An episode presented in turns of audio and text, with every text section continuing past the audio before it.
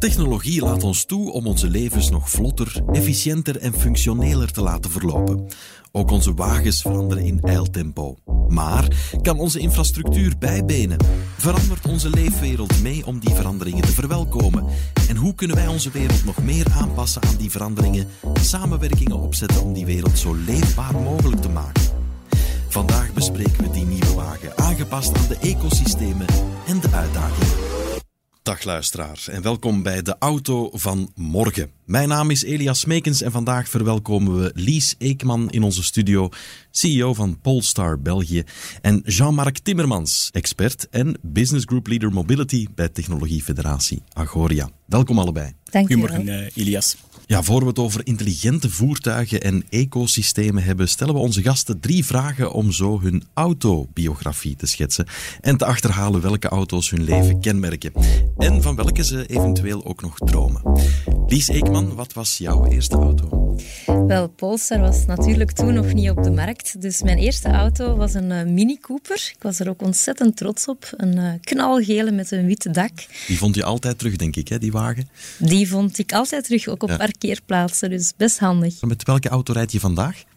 Ja, natuurlijk met een Polestar 2. Uh, dus dat is onze elektrische performance fastback. Het is een 100% uh, elektrische wagen. Wel ons uh, paradepaardje natuurlijk. Het is specifiek een long range single motor, omdat die ook een hele mooie range heeft van 551 kilometer.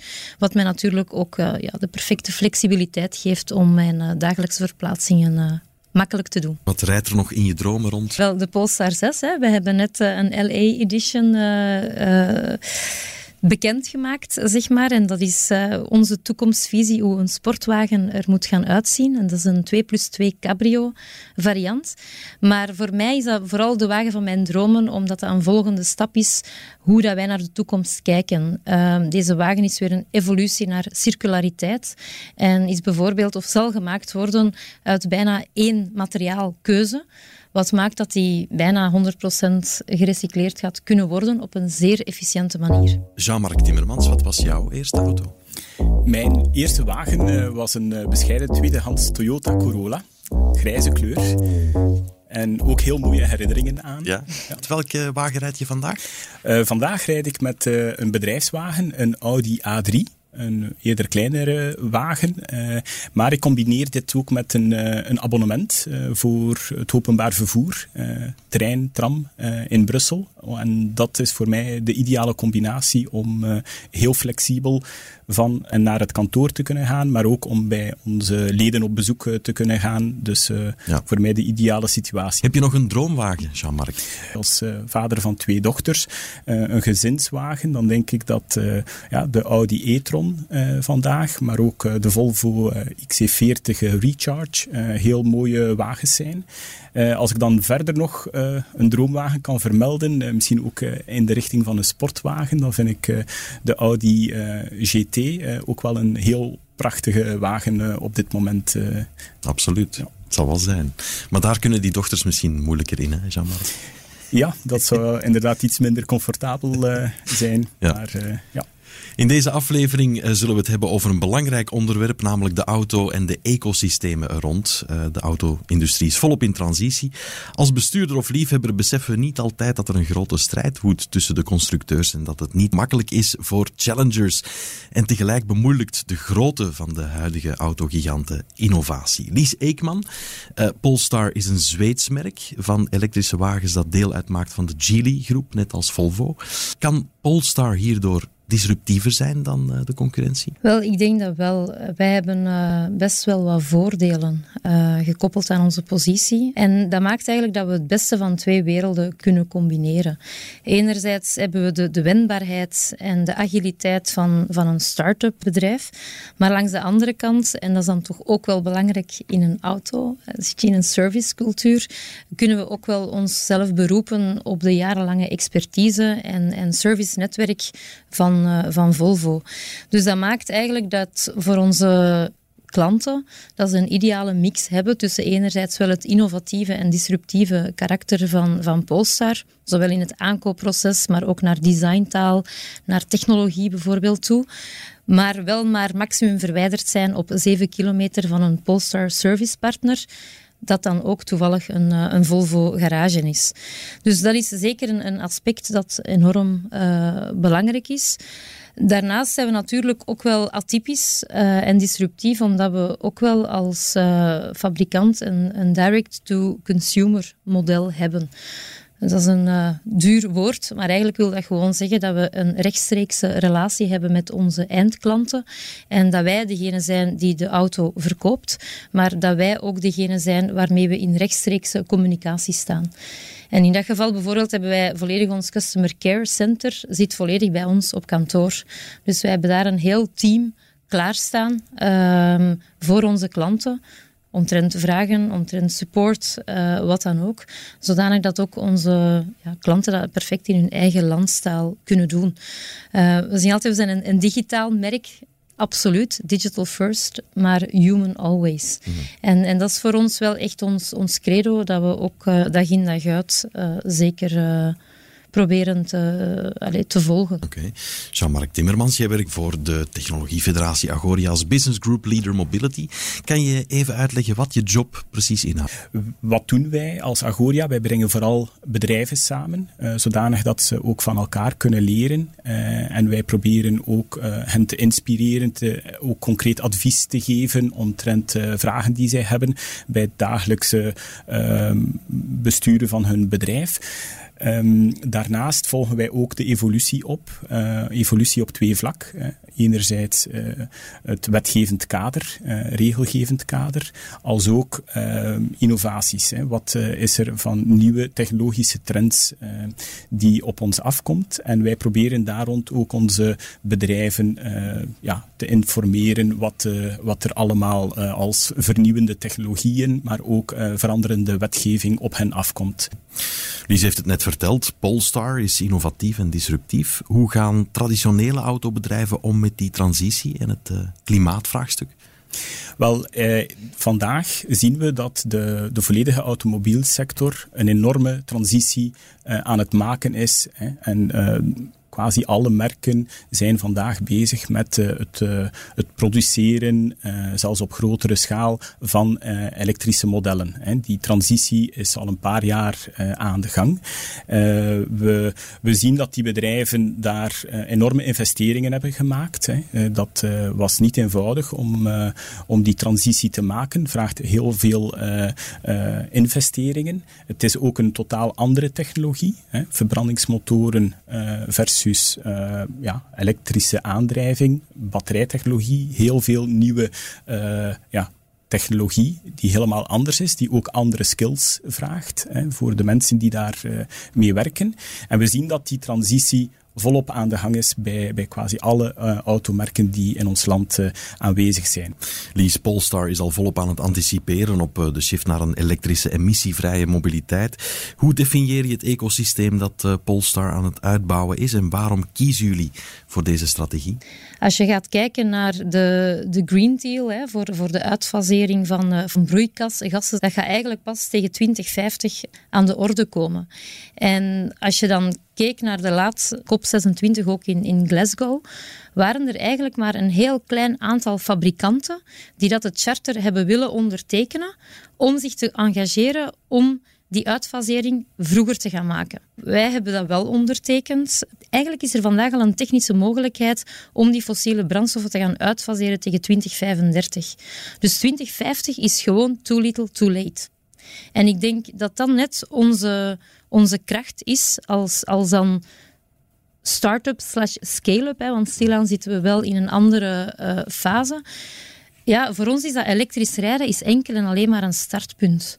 En het is top hè, dat er gefocust wordt op emissievrije uh, wagens als ze rondrijden in de stad, maar het probleem is daarmee niet opgelost. En daar gaat het bij Polestar wel om. Wij hebben een moonshot goal geplaatst om tegen 2030 een volledig klimaatneutrale wagen te gaan bouwen. Wij noemen dat het project Polestar Zero. En dat is een hele ambitieuze target dat je ook alleen maar kan gaan bereiken aan de hand van twee basisparameters die moeten vervuld zijn. Eén is samenwerking en twee is weten waar je vandaag al staat. Wij hebben vandaag als enige autofabrikant een life cycle analysis op onze website staan. Dat betekent dat wij een volledige uh, kennis hebben van het totale productie of zelfs levensproces van een wagen, van A tot Z, tot op het moment dat hij uit de levenscyclus moet genomen worden en gerecycleerd gaat worden, weten wij exact hoeveel CO2 dat wij uitstoten. En meten is weten. Dus je kan enkel en alleen die doelstellingen gaan zetten als je exact weet waar staan we vandaag en wat zijn nu die verschillende elementen en facetten waar dat er die CO2-uitstoot aan, aan gekoppeld is. We willen echt die, die guiding star zijn voor onze sector om net onze conculega's te gaan motiveren, inspireren om die change groter en sneller te gaan maken. In de auto-industrie heersen er veel clichés en in het volgende luik van deze podcast tackelen we enkele clichés en stel ik telkens een mythe voor die jullie zullen bevestigen of ontkrachten. Ik vuur hem zo dadelijk op jullie af en dan hebben jullie drie minuten, Lies en Jean-Marc, om die mythe te bestendigen of te verwerpen. Hier gaan we. Veel automobilisten hebben schrik om over te stappen op een elektrische wagen omdat die te duur zou zijn. Lies, hoe kunnen we deze mythe verklaren? Wel, ik denk dat die heel makkelijk te verklaren is als je natuurlijk enkel en alleen gaat kijken naar, uh, naar de aankoopprijs. We hebben net een uh, grootschalig onderzoek uh, uitgevoerd met Profact in opdracht van Polestar, waarbij dat we eigenlijk gaan peilen zijn naar die bereidheid van België om over te schakelen naar een elektrische wagen. En wat dat daar eigenlijk opvallend was, is dat prijs zowel een motivator als een barrière was. Een elektrische wagen, één, is al goedkoper in, in consumptie. Twee, heb je natuurlijk ook veel minder onderhoud en, en services dat je, dat je nodig hebt. En drie, heb je natuurlijk ook de fiscale voordelen die dat je niet mag onderschatten. Dus wij moedigen echt toch wel uh, zeker ook bedrijven aan om naar de TCO, noemen wij dat, Total Cost of Ownership, te gaan kijken.